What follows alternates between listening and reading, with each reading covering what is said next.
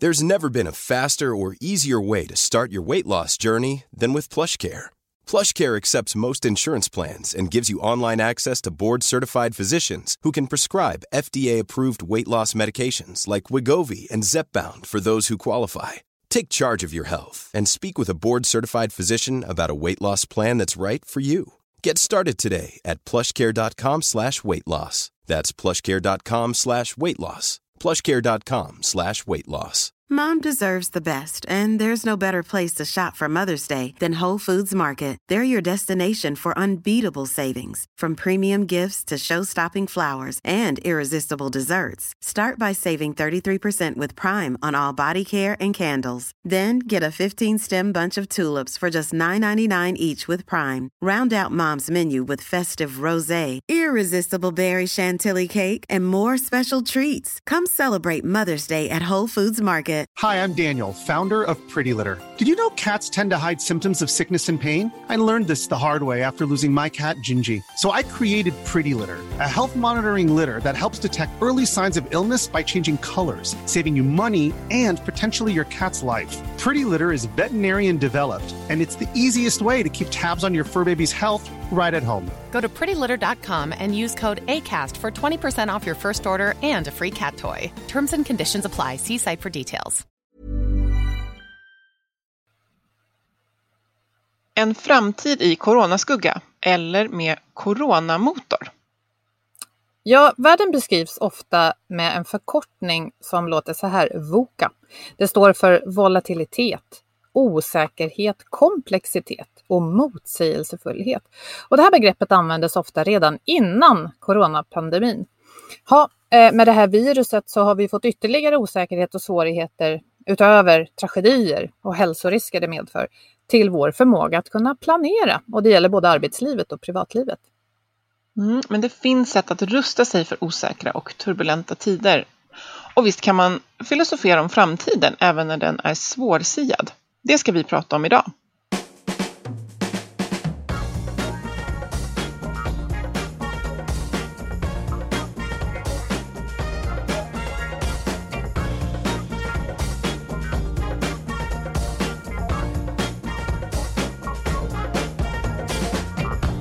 Du lyssnar på Health for Wealth. Det här är en podd om hälsa på jobbet. För trots att vi får det bättre och bättre så mår många av oss bara sämre. Men så kan det ju inte fortsätta. Och därför tar vi reda på hur företag och organisationer kan bygga långsiktig hälsa och lönsamhet. Och börjar vi på jobbet sprider det sig ofta även till resten av livet. Vi är Ann-Sofie Forsmark. Jag driver företaget Oxy Group. Och Boel Stier, copywriter och kommunikationskonsult. Lyssna på oss så får du nya insikter varje vecka för dig som är chef, ledare, jobbar med HR och medarbetare såklart. Ja, redan i april, den här coronavåren 2020, så kunde företaget Fitbit berätta att deras användare, eh, de använder alltså sådana här mät, typ klockor och sånt där som mäter eh, aktivitet. Och då såg man att eh, deras användare hade minskat sina steg dagligen med mellan 7 och 38 procent runt om i Europa. Ja, och den utmaningen eller problemet kan vi säga, det är tyvärr lika aktuellt idag. För många behöver fortfarande jobba hemma och det kan vara svårt att få in både rörelse och sociala kontakter under sin arbetsdag. Vår samarbetspartner Twitch Health, de har skrivit en artikel på LinkedIn och där ger de exempel på hur några stora företag har lyckats ställa om sitt eh, eh hälsoarbete till digitala kanaler och man har gjort till exempel livesända träningspass, Eh, digitala träningsprogram som medarbetare kan liksom ladda ner on demand, men också ergonomisk rådgivning för arbete i hemmet. Och nyckeln till att lyckas med det här är förstås anpassningsförmåga och förmågan att se möjligheterna där de finns och ta dem. Läs gärna mer i hela artikeln. Vi lägger en länk i inlägget på hemsidan, precis som vanligt. Ja, vi har ju flera gånger i den här podden återkommit till det här med att vara adaptiv. Eh, alltså ha en förmåga att hantera förändring när det är det enda beständiga.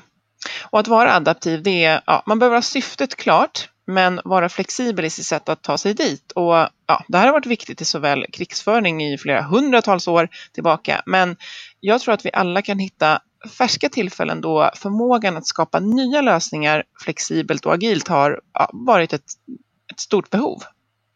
Ja, när vi spelar in det här då står vi inför hösten 2020 och den liknar inte andra höstar.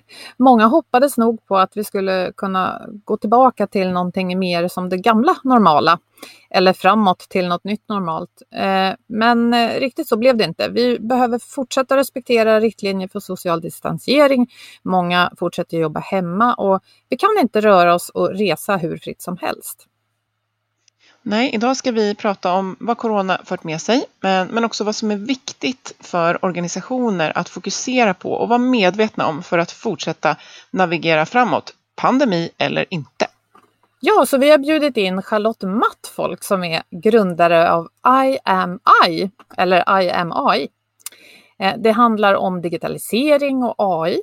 Eh, och Charlotte är entreprenör och managementkonsult med specialisering på framtidsstudier digitalisering, AI och innovation och transformation och har en lång bakgrund inom flera techbolag som Cartina, Acando och Connecta bland andra. Välkommen Charlotte! Tack så hemskt mycket, jätteroligt att vara med.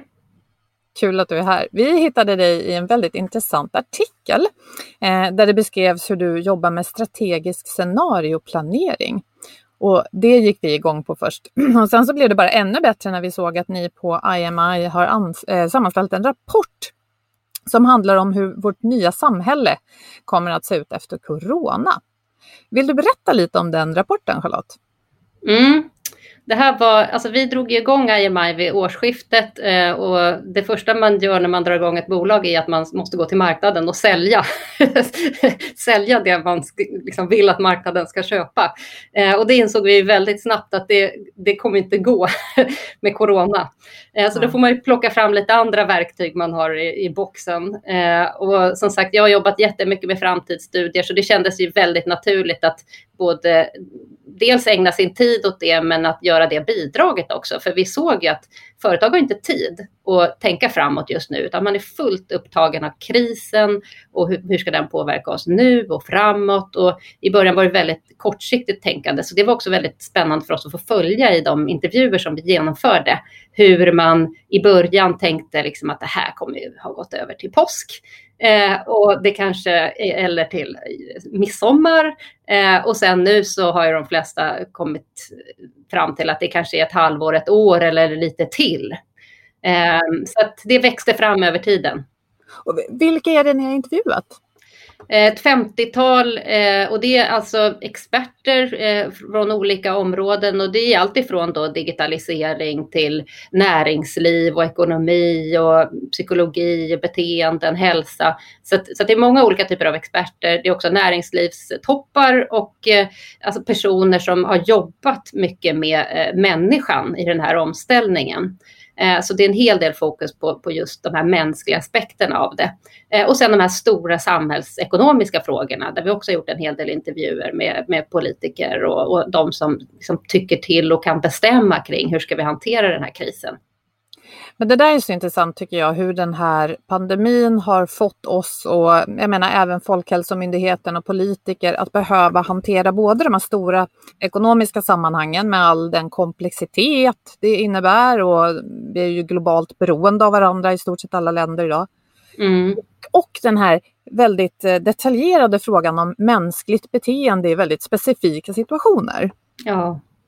Är inte det eh, intressant? Jo, alltså det, det, är ju, det här är ju verkligen en utmaning som ingen hade kunnat förbereda sig på.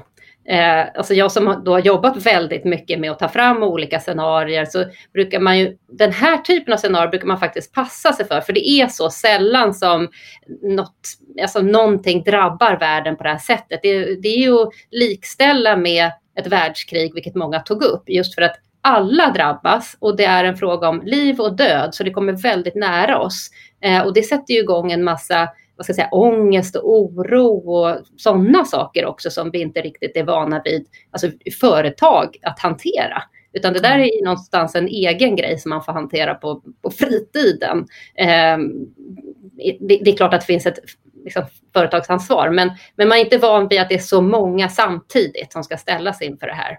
Så att, eh, nej, men en otroligt utmanande situation och där jag ändå tycker att det som har varit positivt är ju att vi inte har eh, Alltså det, det, har varit en optimism i det här och det var så i alla intervjuerna också att även om man såg ska säga, farorna och hoten med det här så var det ändå, det finns någon form av lite samlande kraft i att alla står inför samma utmaning. Just det, så även om man kanske skulle vilja tackla problemen något olika och kan träta om det så, så enas man ändå på något sätt i krisen.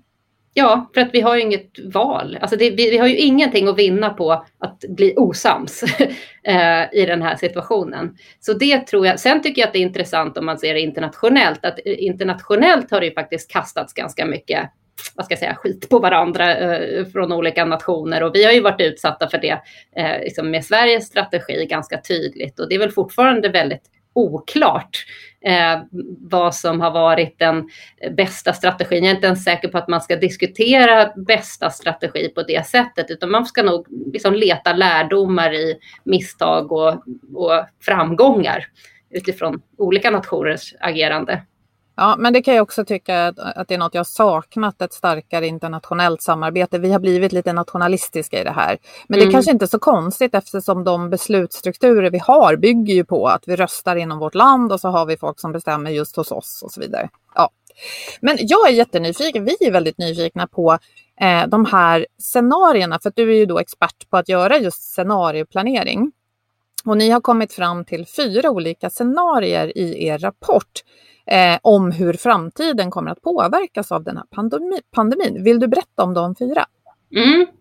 Eh, det, man får nästan börja lite med osäkerheterna. För det första man gör i ett sånt här arbete det är ju att börja titta på vad är de stora trenderna som vi ser nu.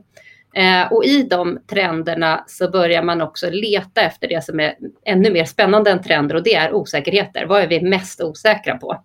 Eh, och i det här arbetet så var det ändå relativt lätt. För att om det var någon fråga som alla ställde sig så var det, kommer vi ha en snabb eller långsam återhämtning efter det här? Det är en väldigt tydlig frågeställning som kom upp hela tiden. Eh, och sen en annan fråga, den var lite svårare att identifiera, men vi liksom, och det är ofta som man får leta lite granna mera för, för att hitta de här riktigt spännande osäkerheterna. Och den vi valde där, Eh, det handlar om, kommer vi att tillåta att man eh, delar data, att jag delar data om mig själv för att faktiskt få tillgång till samhället? Eller kommer jag att värna om den väldigt mycket och mera vara rädd om den? Och det är väldigt intressant utifrån det här perspektivet att eh, TikTok är i media hela tiden och kinesiska staten, de kan följa oss och våra barn i TikTok i alla deras videos och de kan eh, få en massa filmdata som gör att de kan manipulera de här barnens ansikten så de kan eh, nyttja det på framtida sätt som vi inte riktigt vet. Eh, och, och, å ena sidan då, då blir vi rädda för det och liksom dras åt det här hållet som har att göra med att inte dela data. Å andra sidan så har vi den här enorma drivkraften att ja, men vi vill ut i samhället igen. Vi vill få tillgång till världen. Eh, vi vill resa och vi vill kunna gå till jobbet. Eh, och då kanske jag är beredd att dela med mig av en hel del data som jag annars hade känt att det där, jag vill inte tala om om jag har feber eller är varm eller den där typen av personliga data. Men nu kanske jag kan vara beredd att göra det. Mm. Det är ett vägskäl då, på något sätt. Ja, och då med de här eh, axlarna då som man sätter mot varandra eh, så fick vi fram fyra stycken scenarier. Eh, och eh, man tar det som ligger närmast det vi är i idag, så har vi kallat det för en behovsmonopol. Eh, och det, det, det, vi har sett det i den här eh, vad ska jag säga, första tiden, det är ju att de stora techspelarna har ju vunnit mark. Alltså de har ju verkligen kunnat nyttja den här situationen i att de redan är så digitala, deras inre digitalisering i, eh, i bolagen, den har varit så liksom påtaglig redan innan, så de har inte behövt göra så stora omställningar som många traditionella bolag som inte ens hade uppe några system att jobba i, utan de fick ju lägga de första månaderna bara för att vänja sig vid det.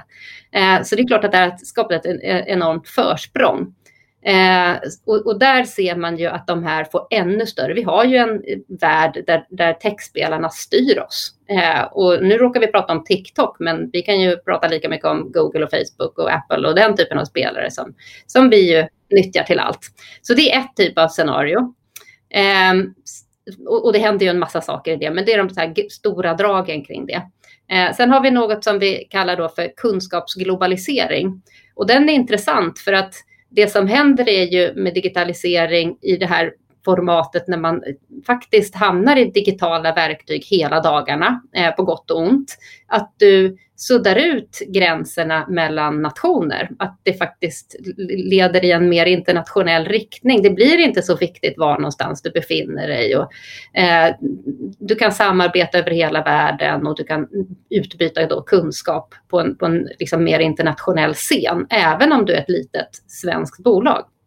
Så att där, där ser vi också en sån stark riktning i att liksom, egentligen luckra upp nationsgränser eh, i, i det scenariot.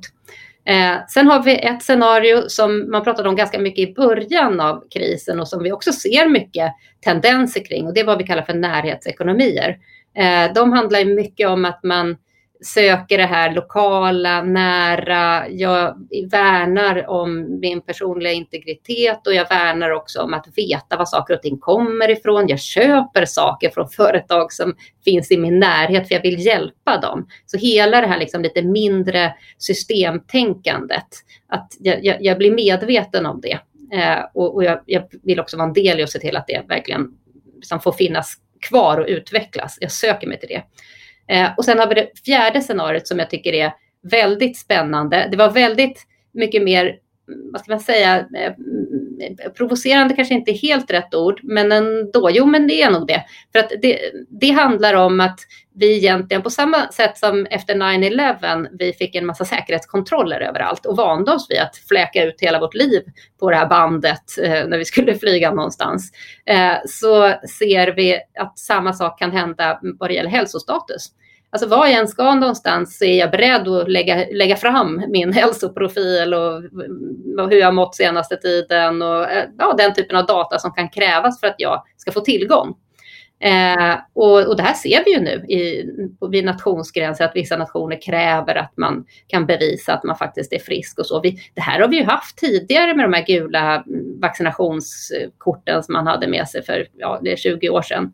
Och, och reser man till Afrika så har man väl det idag också. Men det är ändå så här att eh, det, det, det finns väldigt tydligt hälsotänkande i det scenariot. Ja, och jag tänker att det gula kortet baseras ju mer på frivillighet. Jag vill resa någonstans och jag väljer att ta ett vaccin för att kunna göra det. I den här situationen är det inte lika mycket frivillighet i. Nej. Ja. Nej. Precis. Ja, men vad intressant och som ja. du säger den här globaliserade kunskapen där det inte spelar någon roll var man sitter i världen. Den kan vara en demokratisk kraft. Att en liten aktör kan göra sig gällande bättre. Men eh, behovsmonopolet som du pratar om, det är ju de här stora digitala jättarna som tar ett ännu större grepp om verkligheten. Så här är ju krafter som drar åt olika håll. Mm. Men eh, innan vi förlorar oss helt i, eh, i eh, de stora sammanhangen, vi poddar ju väldigt mycket om arbetslivet och har det som vår utgångspunkt. Vad, vad har ni sett i den här rapporten och arbetet med det eh, som ni tycker är viktigt att hålla koll på? Jag menar för arbetsgivare och för en medarbetare som är orolig för hur arbetsmarknaden ser ut här i närtid framöver. Mm. Um, det, det var ju väldigt mycket oro just kring, alltså faktiskt anställd. Det var ju väldigt mycket diskussion just kring permitteringar, varsel. Ska man ens behålla jobbet? Kommer ekonomin gå ner helt? Eh, så, så, den typen av frågeställningar har ju varit uppe väldigt mycket i, i början av projektet skulle jag säga. Nu tycker jag att det här har lite lugnat ner sig för många företag har ju någonstans liksom stabiliserat sig samtidigt som vi ska säga att det är ju också många som har, har varslat och folk som har blivit av med jobbet. Eh, och en jättetydlig utmaning i det här är faktiskt att det är ganska stor andel kvinnor och unga som har blivit av med sina jobb för att man har osäkrare anställningar. Och här är väl en fråga som jag själv har funderat ganska mycket på. Att vad är det som gör att vi tycker att det är så självklart att unga, alltså vilka åtgärder har vi egentligen vidtagit mot den unga målgruppen? Det här är deras första eh, kontakt med arbetslivet. Eh, och den innebär helt enkelt att de inte får något jobb. De har inte en chans och vi egentligen varken pratar eller bryr oss särskilt mycket om det. Jag tror inte att det är bra. Jag tycker inte att det är självklart att unga är så mycket mer tåliga och klarar av den situationen. Tvärtom. Nej, det kan ju bli en generation som inte riktigt kommer ut i arbetslivet på ett bra sätt och så kullen som kommer fem år senare kanske får det bättre och det kan bli en så här omsprungen generation. Ja, det, det, säger man ju att det finns faktiskt den typen av risk. Eh, så det tror jag, det behöver man verkligen ta tag i och fundera över. Hur ska vi se till att skapa trygghet och, och ge dem chansen att känna att vi, vi kommer få tillträde till arbetslivet och det kommer inte ta jättelång tid. Och, och samma sak ska jag säga med, med kvinnor, att man behöver verkligen se över vilken typ av eh, tjänster mer specifikt är det faktiskt som, som det här har liksom drabbat i större utsträckning? Och hur kan vi rikta resurser, inte generellt mot alla möjliga företag, utan verkligen mot de som absolut mest behöver det? Jag vill lyfta en sak i rapporten eh, som jag såg där det stod ja. att eh, Eh, ja, vi pratade om att många jobb ska försvinna och liksom självkörande bilar och sådär tog ni upp. Men, men ni har också tagit upp att många chefer kanske kommer försvinna. Jag skulle gärna vilja höra hur, hur du vill utveckla det resonemanget. För att eh, och lite djävulens advokat så upplever jag och jag tror många pratar om det här att vi behöver så otroligt mycket ledarskap nu. Men då menar ni att kanske inte antalet chefer eh, är det som reflekterar det behovet? Eller ja, utveckla. Mm. Ja, mm, det där tycker jag är en jättespännande fråga. Den har jag funderat jättemycket på. Eh, inte minst faktiskt utifrån eh, när jag pluggade AI och jag skulle sätta mig in i hur kommer man att kompetensförsörja ett företag framöver. Eh, så det har egentligen liksom både med pandemin och AI att göra. Eh, att jag tror att man kommer att organisera bolag väldigt mycket mer utifrån arbetsuppgifter som ska bli gjorda eh, snarare än roller som människor ska ha. Eh, för att en roll och en chef är ju också ofta en anledning till att man vantrivs på jobbet. Jag tror att det finns någon stor sån här europeisk undersökning som säger att det är 40 procent av eh, alla som jobbar på ett lite större företag eh, tycker att det största problemet är chefen. Så att chefer är ju inte bara bra, utan de kan ju också vara ganska dåliga och eh, kanske inte heller det för de har oftast kanske som sin huvudsakliga, eller ser som sin huvudsakliga uppgift att fördela arbete snarare än att kanske, vad ska jag säga, coacha eh, individen. Eh, och det här är naturligtvis väldigt olika från ledare till ledare. Men om man då lägger ihop de här två sakerna, att vi tror att AI kommer att kunna fördela arbetsuppgifter. Det, kan, det är precis en sån vad ska jag säga, förmåga som en bra AI-algoritm kan ha. Och du kan då som individ gå in och ta en uppgift därifrån. Så du behöver inte en chef för det jobbet. Eh, det kommer också göra att du kan undvika en massa omorganisationer och personer som sitter i roller som de inte levererar i. Istället så får de en uppgift och gör de inte den så flyttar du bara uppgiften till någon annan. Så det, det, det skapar en effektivitet. Eh, och sen kan du snarare ha coacher eh, som har just fokus på människan. Så jag tror inte att, jag tror, det beror på lite vilka dimensioner av ledarskapet man tittar i. Jag tror det är otroligt viktigt med, med coachning och det säger ju många i de här coronatiderna att de saknar närheten till någon som ser dem och bekräftar dem och bryr sig om. Eh, men att få jobbet gjort, det är inte det stora problemet. Det, ja, nej, Ja, för jag tänker, det, det om jag reflekterar på det du säger nu så låter det mer som att det, det är en typ av ledarskap som blir förlegat. Eh, men men den, om den personen kan gå in i en mer coachande roll alltså, och, och, bedriva mer av det här som vi pratar om, det transformativa ledarskapet som ju kanske handlar om att ja, men här kommer den här uppgiften som du ska göra och, och jag som chef får med ha en roll att liksom coacha och ja, vad ska man säga, peppa inom citationstecken dig till att vilja göra den och utvecklas på ett bra sätt. Men det här att stå och fördela arbetsuppgifter, det mer transaktionella, traditionellt gammalt ledarskap, det behövs alltså inte längre för det kan vi överlåta till AI på ett mycket mer effektivt sätt. Ja, det tror jag. Och här, det här är ganska intressant för det här, vi har ju haft har ju flera HR-direktörer som har varit med i den här studien och som verkligen eh, påtalar det att de har sett andra typer av ledarskap få komma fram eh, i den här tiden. Att det har varit den här lite mer empatiska, med, de ledarna har tagit ett mycket större utrymme och också lyckats bättre med den här övergången än de som fokuserar på det här lite mer traditionella. Att nu ska jag kolla upp dig och bara att du har gjort det du sa att vi, vi kom överens om igår att du skulle göra och har du gjort det nu idag? jag, tycker det eh. låter, jag tycker det låter väldigt hoppfullt för eh, chefsrollen är ju som ni båda var inne på dels ofta väldigt tyngd av administrativa uppgifter som eh, kanske inte alltid är så väldigt roliga heller. Eh, och om AI kan hjälpa till med det så är det väl fantastiskt att chefen framförallt kan vara den där människan som är tillgänglig. Och vi pratar ju ofta här i podden, Ann-Sofie, om det här med att ha tid att vara chef i sin kalender. Eh, så det är en möjlighet. Och jag tänker också som medarbetare, jag blir glad när du säger att det handlar mer om kunskap och vad man kan än att vara låst i en roll. Jag tycker ofta att arbetsmarknaden, ja, att den kanske inte fungerar perfekt på det sättet Eh, när man behöver rekrytera så lägger man mycket omsorg vid en, någon typ av annons som ska ringa in vem man vill ha. Men riktigt så lätt är det ju inte. Och, eh, jag kan själv känna som en liksom, person på arbetsmarknaden att jag är ett sånt här, eh, ja, en rund pusselbit som inte passar i alla fyrkantiga gluggar och sådär. Så, ja.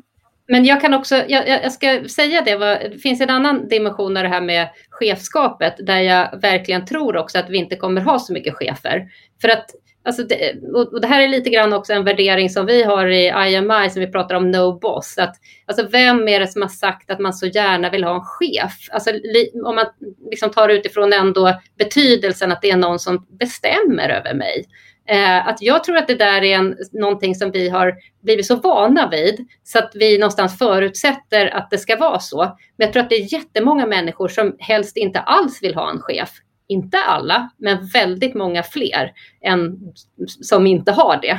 Eh, och det här driver ju såklart fram hela gigekonomin, men jag tror även i större bolag att det är så att många fler vill vara mer chefslösa. Och den här coachen är inte en chef, utan det är ett, en support som jag själv kan söka. Ehm, så det, det, skulle jag vilja som, lägga in i det här också. Och det gör att vi kommer att ha mindre chefer jag tycker det låter väldigt intressant. För ja, jag själv funkar bättre i, i grupper där man eh, fördelar ansvar och jobbar tillsammans. Men en sak, en, en, tydlighet som väl ändå fortfarande behöver finnas, det är ju ansvar. Att, eh, ja, men att kunna utkräva ansvar när något går fel. Ett företag spiller ut något farligt i miljön eller ja, vad som helst egentligen. Eh, så hur ser du på det Charlotta? Var ligger ansvaret då om man inte har chefer? Jag tror att man även kan fördela ansvar, alltså med en uppgift. Så jag tror faktiskt att man kan knyta ansvar till en viss uppgift eh, och att det handlar då om att man måste lägga mer tid på att specificera uppgifterna och vad de har för olika kriterier, hur man ska tänka och så. Eh, och även det här tror inte jag att AI löser alla världsproblem, men jag tror att det, det kan lösa vissa saker ändå. Och där det här faktiskt kan vara en sån möjlighet. För att eftersom det, det, det handlar om att analysera data och förstå vad, liksom, vad som händer med olika saker när man gör på ett visst sätt. Och givet att det är dit vi går nu, att vi istället för att ha en massa vad ska jag säga, splittrad data på olika håll som vi inte riktigt kan sätta ihop med varandra så går vi mot att kunna aggregera den och läsa av den och förstå vad är rätt och fel. Så jag tror att vi faktiskt kommer kunna ta ett ännu större ansvar för att se till att liksom hela kedjan håller ihop och är hållbar och att vi har rätt värderingar. Och att vi också kommer kunna få varningar när folk inte följer det här eller man väljer material som är fel eller människor har beteenden som inte eh, liksom passar in i eller som vi inte vill stå för som företag. Så, så successivt kommer det här att växa fram helt nya sätt då att jobba med det här tror jag. Och kanske att vi som individer får eh, tänka oss för ännu mer vad det gäller det etiska, tänker jag då, som bland annat har läst Max Tegmarks eh, Liv 3.0 och sådär, att en AI är ju en målinriktad maskin. Och mm. det är ju det mål man förser AI med som den jobbar för. Och där behöver vi ju alla, vi blir ju alla techarbetare förr eller senare känns det som. Då behöver vi alla kunna ta ansvar för vad det är vi gör och se det utifrån vad leder det här till? Är det bra? Precis, och då blir det ju ännu viktigare att vi blir ännu tydligare. Så jag tror man kommer ju behöva lägga mycket mer tid på de här etiska, moraliska eh, värderingsfrågorna. Var står vi? Det, går, det räcker inte med att ha några ord så som folk får tolka lite som de tycker, utan här måste man ha en, en, en ordentlig plan eh, och beskrivningar av varje område, hur det här påverkar exakt. Mm. Eh, för det är det enda sättet att få det att fungera i praktiken då. Jag är nyfiken. Nu sitter jag här och pratar med er båda eh, som har startat konsultverksamheter i, i början av det här pandemiåret. Och båda era affärsidéer i era verksamheter bygger egentligen i någon mån på det här med att man är någon slags giggare, att man inte är anställd i traditionell mening. Och jag skulle vilja prata lite om det för att vi ser ju en rörelse mot att många fler vill jobba så här. Vissa måste göra det fast skulle inte vilja det. Men trenden verkar vi inte kunna rucka på. Hur tycker du Charlotte att vi ska se till att för det har blivit väldigt tydligt i pandemin att eh, nationer med starka skyddsnät har ju klarat sig bättre när det kommer till det mänskliga helt enkelt. Hur, hur bygger vi upp en, en sund gigekonomi där människor mår bra? Oj, det krävs mycket. ja, men jag, tror, jag tror att vi behöver verkligen utmana eh, hela idén kring anställningsformer. Och jag tror det, en sak som jag har varit väldigt tydlig är ju att många har ju sett det som att trygghet det får jag i storföretag. Så därför ska jag jobba för ett storföretag för då, är liksom, då behöver jag inte oroa mig för min ekonomi och vad som ska hända framåt. Men det första som hände i det här var ju att väldigt många storföretag eh, gick ut och, och, både permitterade och varslade. Eh, och, och, så det var inte så att man satt på någon stor trygghet bara för att man var i ett storföretag. Och där tror jag att vi, vi har levt i en tid där det har varit en illusion som vi nu håller på att gå ifrån och inser att ah, jag måste ta makten över mig själv, mitt liv, min ekonomi eh, och vad jag vill åstadkomma i livet. Och jag kan faktiskt göra det ännu bättre i ett eget bolag.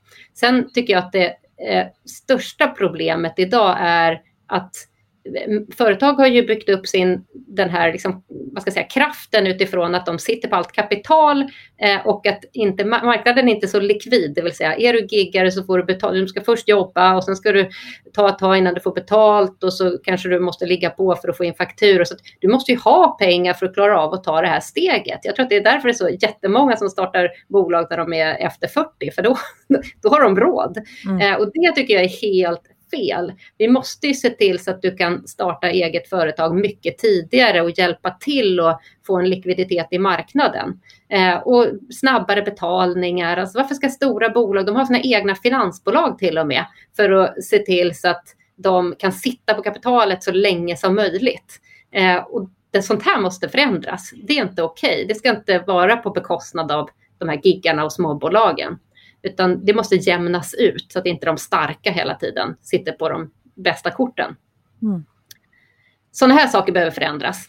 Eh, och då är det ju också såklart eh, skyddsnät för småföretagare som måste komma på plats och bli tydligare. För det har du ju inte idag på det sättet, utan det måste du ju ha skaffat dig genom att ha byggt upp en buffert. Och det är ju inte okej okay, tycker jag. Att, varför ska det vara så? Varför ska man ta all den risken själv bara för att man har ett eget företag. Nej, det är också så om man är egen, som jag har varit större delen av mitt arbetsliv, så eh, skulle du behöva ha stöd från samhället så är du tvungen att lägga ner ditt företag.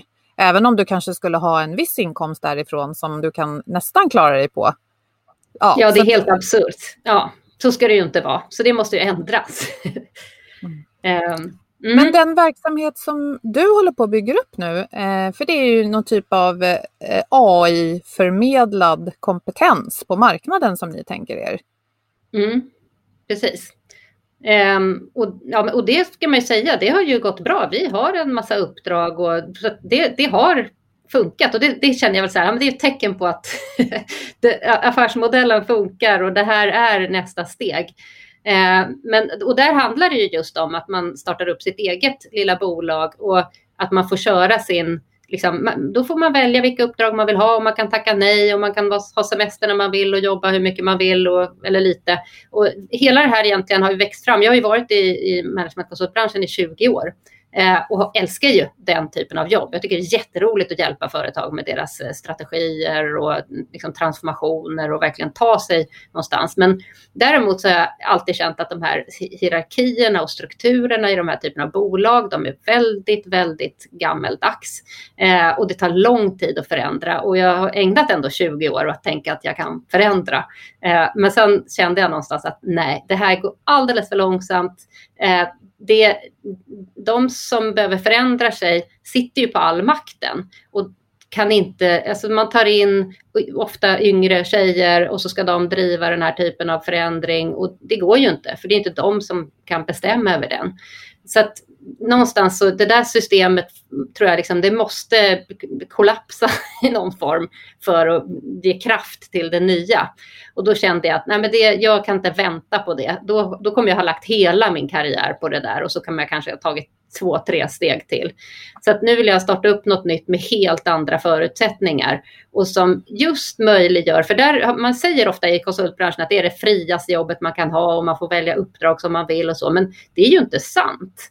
Eh, det kan du ju inte göra när du vet att det är en intäkt kopplad till din kostnad hela tiden och du är produktionsenheten.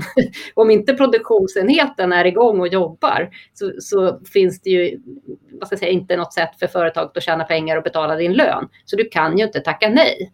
Eh, och det måste man förstå när man är inne i det systemet. Men däremot om man själv faktiskt vad ska jag säga, tar konsekvenserna av det här så kan man ju då bestämma själv vilka uppdrag vill jag ha och vilka vill jag inte på ett helt annat sätt. Och där tror jag ju också att det finns något väldigt starkt i den här liksom inre motivationen och inre drivkraften som ändå många människor har i sig. Att jag vill hellre bestämma mer själv. Det, det är liksom bra för psyket och för, för ens egen utveckling och eh, ja, för att må bra helt enkelt. Jag håller så jag. med Jag sitter och nickar. Just det där att eh, det är inte alls att man bara, nej men då bestämmer jag att jag bara jobbar med de här typen av uppdrag utan eh, beroende på konjunktur och hur det ser ut så behöver man ju, alltså lite så här brödfödan. Men jag tänker att man ofta har Eh, har man gjort sitt jobb när man startar eget så har man en, man har en värdegrund som är på riktigt, man har värderingar som är på riktigt och man har någon typ av etisk kompass som, som, som ger en riktlinje med vilka man vill jobba med. Eh, och då tänker jag, vad är, vad är liksom drömuppdraget för, eh, för dig och er på, eh, alltså nu med, med, med, den kompetensen och det som ni kan hjälpa till med? Vad är liksom drömmen att få eh, jobba med? Alltså, vi är ju väldigt eh, eh, breda. Och jag, jag, själv är väl ganska smal kan jag säga eftersom jag jobbar mycket med framtidsanalys och strategi. Jag, jag älskar ju den typen av uppdrag och det kör ju jag nu hela tiden. Så, så vi kör 50% egna uppdrag och sen så jobbar vi 50 med, med bolaget. För vi har också bestämt att vi vill självfinansiera. Eh, det kan komma en tid när vi inte kommer att vilja fortsätta så, för det här går ju att skala upp väldigt mycket. Men just nu så vill vi bygga grunden på det här sättet. Och det har fungerat jättebra. Men det gör också att vi egentligen förmedlar ju, ja managementkonsulttjänster är det ju. Eh, men det kan ju egentligen röra sig precis som vad som helst som vi får förfrågningar kring. Så skickar vi, när vi får in en, en förfrågan så, så skickar vi det vidare till vår konsultbas då. Vi har ett 80-tal konsulter och det växer hela tiden där. Så det, den tillströmningen har ju gått snabbare än vad vi trodde. Eh, så på sätt och vis har vi väl haft någon form av fördel också av det läget som har varit. Att, ja, men det är många tillgängliga konsulter på marknaden eh, och som tror jag också gillar våran filosofi. Eh, för vi pratar mycket om att eh, snarare lite så filosofi än värderingar. Att vi, vi vill stå för ett helt nytt sätt att tänka kring eh, samarbete. Eh, att det, det ska inte vara så mycket det här med leverantör och kund och det sättet utan många av dem som vi har dialoger med hos olika företag, det är sådana som ja, men mer ser det som att vi samarbetar, vi har olika kompetenser olika, och tillsammans så skapar vi någonting.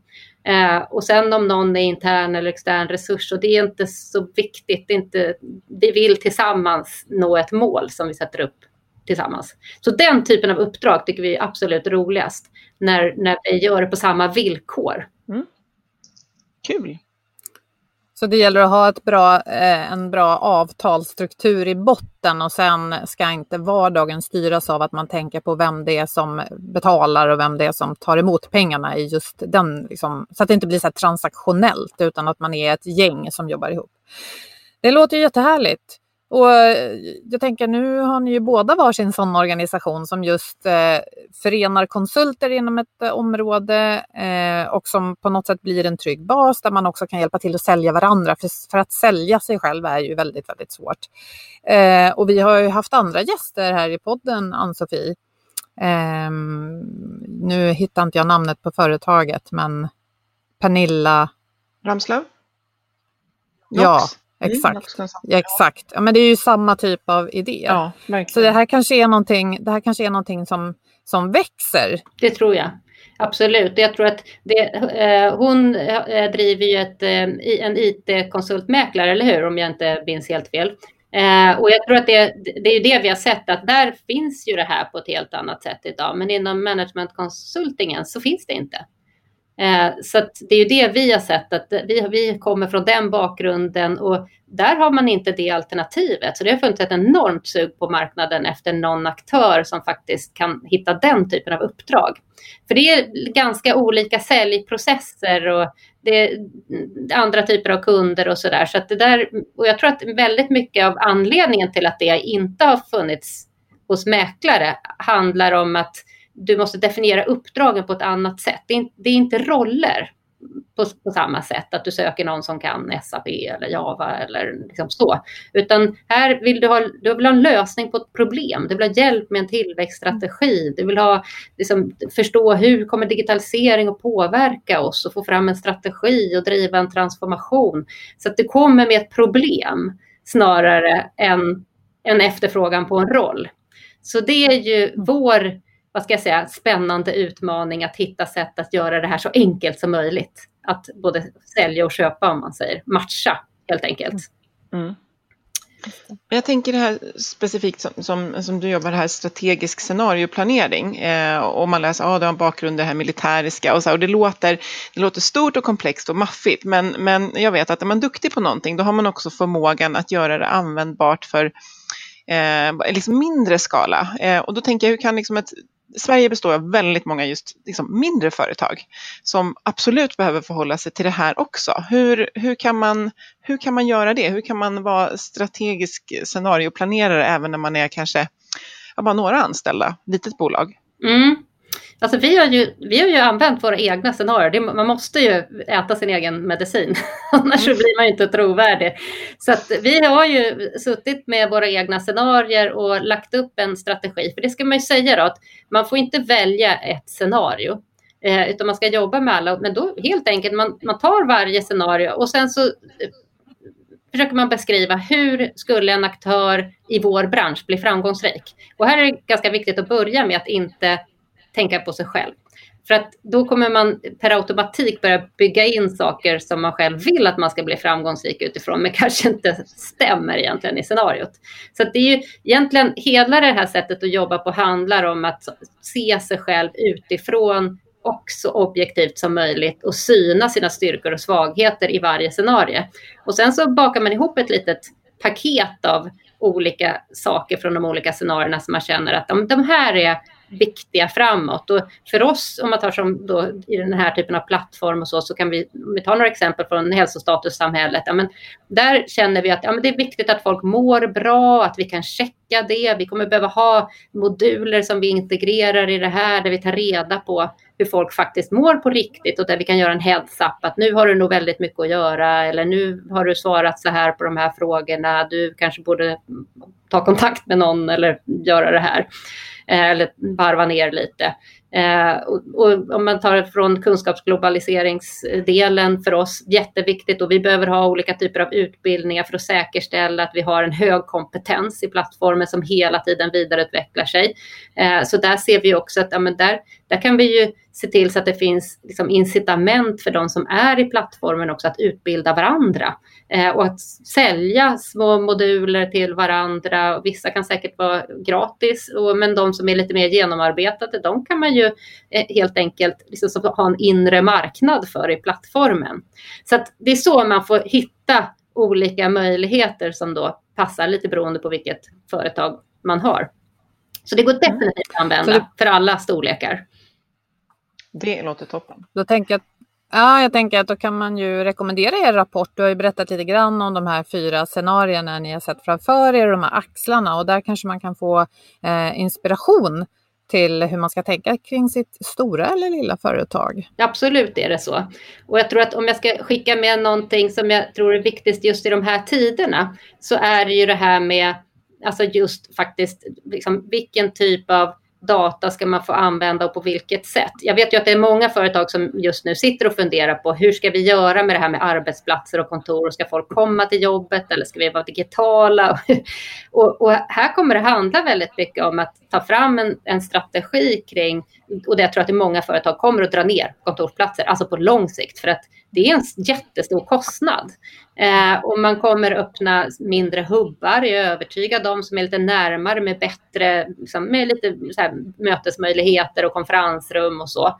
Eh, man kommer säkert att nyttja också alla de här kontorslokalerna som har vuxit fram redan, där man sam, sitter sam, samma med andra företag också. För det finns ingen anledning att människor ska förflytta sig så otroligt mycket runt heller, bara för att man ska komma till en arbetsgivare. Så en jätteviktig hållbarhetslärdom i hela den här situationen är att vi ska inte hålla på och förflytta oss samtidigt till jobbet varje morgon och äta lunch samtidigt, åka hem samtidigt och slösa en massa tid i transport och pikar. Och att designa ett samhälle som hela tiden måste maximera nästa peak. Utan vi ska istället titta på hur kan vi platta ut kurvorna överallt och se till så att människor rör sig mer balanserat och kanske inte så mycket för det kostar mycket pengar både för samhället och, och tid för individen. Så det ska vi bort ifrån. Ja. ja, det var intressant. Jag fick en bild här nu som jag, något som inte jag har tänkt på tidigare. Att framöver kanske det inte är så då att man åker till en arbetsplats och sitter länge på tunnelbana eller i bil, utan att man kanske åker till ett coworking space som för mig då skulle vara nära här i Bromma. Men jag kanske har en arbetsgivare söder om stan. Och då har jag både den här närheten med människor runt omkring mig. Sen har jag andra som är mina kanske de kollegor som jag utför arbetsuppgifter med, de kanske jag hänger mer med digitalt. Så kan det bli. Så kan det mycket väl bli. Jag tror att vi, vi kommer att se eh, varianter av det här och, och definitivt kommer vi inte gå tillbaka till precis som det var tidigare. Det är jag övertygad om. Och faktiskt, eh, det var någonting som kom upp i alla intervjuer som vi gjorde. Jag tror inte det är någon som har satt motsatsen, utan det man har sagt är Eh, vi, vi, jag gjorde en studie 2009 där det var en kille i Framtidens vardagsresan heter det. Han sa till mig att i framtiden då kommer man att eh, jobba hemma och umgås på jobbet. Eh, och det här har jag haft med som ett citat och berättat om i många presentationer och eh, man har skrattat ganska mycket åt det här och tyckt vadå, vad menar du med det där?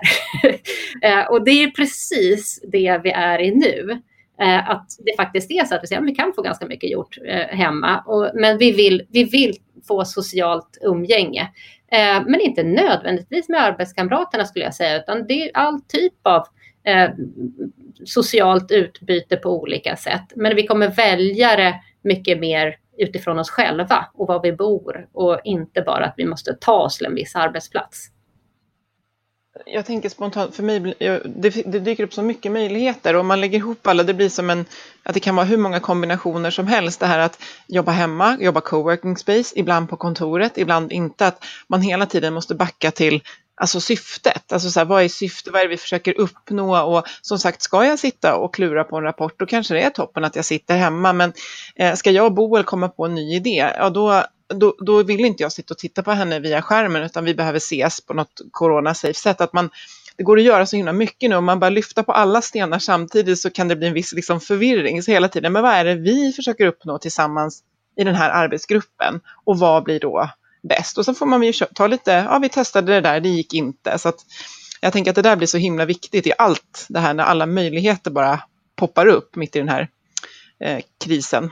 Ja, men jag, tror, jag tror verkligen att det där är någonting som man kommer att reflektera mycket mer. För alltså, hittills har, ju, har ju möten, när man har liksom analyserat möten så har det handlat väldigt mycket om effektivitet och sådär att ah, vi ska ha agenda och det ska vara där, där, så.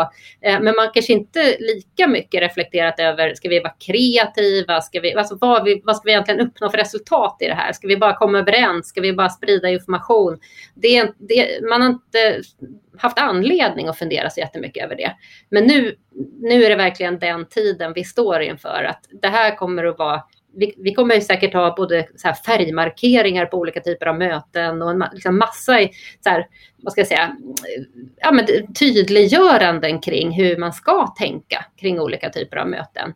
För det, det, tror jag alla är överens om att det här med att sitta liksom ett eh, Teams-maraton som många gör i åtta timmar, det är ju fruktansvärt. Så det är ju inte någon härlig arbetsdag direkt. Eh, utan vi måste hitta sätt att och just få det där att hända som du pratar om där med det här liksom variationen. Men det är dags för det, för att vi har ju jobbat eh, faktiskt tills nu ungefär som utifrån industrialismen. Alltså som att vi behövde gå till en fabrik fast att vi egentligen har verktyg för att jobba på ett annat sätt. Så jag tycker det, det är verkligen dags nu för att nu har vi fått ett startskott för den här förändringen och den kommer tror jag leda till jättemycket positiva saker för människan. För även om vi nu ser både för och nackdelar med det här så kommer vi, vi kommer att utforma det här nya sättet som gör att vi får en bättre arbete, mer tid med familjen, mindre stress på morgnarna för många som tycker det är jobbigt och eh, mer tid eh, hemma de dagar man kan jobba hemifrån och sen kanske en hel dag kväll borta de dagar som det passar bättre. Eh, mycket mer skräddarsytt och individanpassat. Mm. Det, den bilden tycker jag känns hoppfull, den känns bra i magen. Den känns inte bara så här, ja då bara gör vi så, precis som vi sa, utan man behöver vårda den processen. Men den känns väldigt hoppfull. Det tycker jag var ett bra sätt att eh, avrunda det här samtalet. Att liksom, som man säger, never waste a good crisis. Och vi, vi, det är inte så att vi förminskar de liksom, utmaningarna och alltså allvarliga problemen, men låt oss liksom, vårda de möjligheter som, som uppstår. Exakt, och vi kan inte lösa problemet med de här fåtalet techjättarna som eh, breder ut sig över våra liv, men vi kan ju nyttja möjligheterna i den digitala utvecklingen. Det här med kunskap, globaliseringen till exempel. Jag tänker även om man, du som sitter och lyssnar på det här faktiskt har blivit av med jobbet, bara möjligheten att gå kurser på universitet runt om eh, i världen digitalt kan ju vara ett jättebra sätt att fylla på sitt CV medan man söker jobb. Så det finns många möjligheter. Vad roligt det var att prata med dig. Mm, jättekul att jag fick vara med och prata med er. Superkul. Lycka till nu med verksamheten. Tack. Och alla planer. Ja. Ehm, all scenarioplanering höll jag på att säga. jag ska absolut djupdyka mer i den här rapporten och vi lägger naturligtvis en länk till den också på hemsidan där vi har vårt inlägg. Härligt. Mm. Och, ja, tusen tack. Mm, tack så hemskt mycket. Mm. Och eh, vi samarbetar ju också med motivation.se som hjälper oss eh, att, eller hjälper er snarare, hjälper oss också, men hjälper er att liksom, ja men det här var så intressant, jag vill läsa vidare.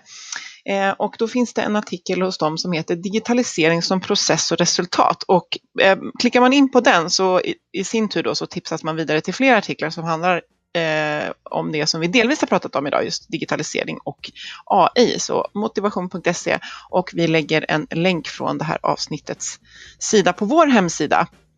Och eh, ja, vi vill som vanligt höra vad ni har för er, vad ni längtar efter och eh, hur ni har löst saker och vad ni gör på er arbetsplats. Och vi finns eh, mycket aktiva på LinkedIn framför allt, eller hur Boel? Absolut, där finns vi, både du och jag som eh, egna profiler och vi som eh, Health for Wealth-sida. Prata gärna med oss där, skicka en kommentar eller ett meddelande. Och så vill vi förstås tacka Twitch Health och motivation.se och Agda Media för den här produktionen. Vi hörs snart igen. Ha det bra och ta hand om er. Sköt om er. Hej då!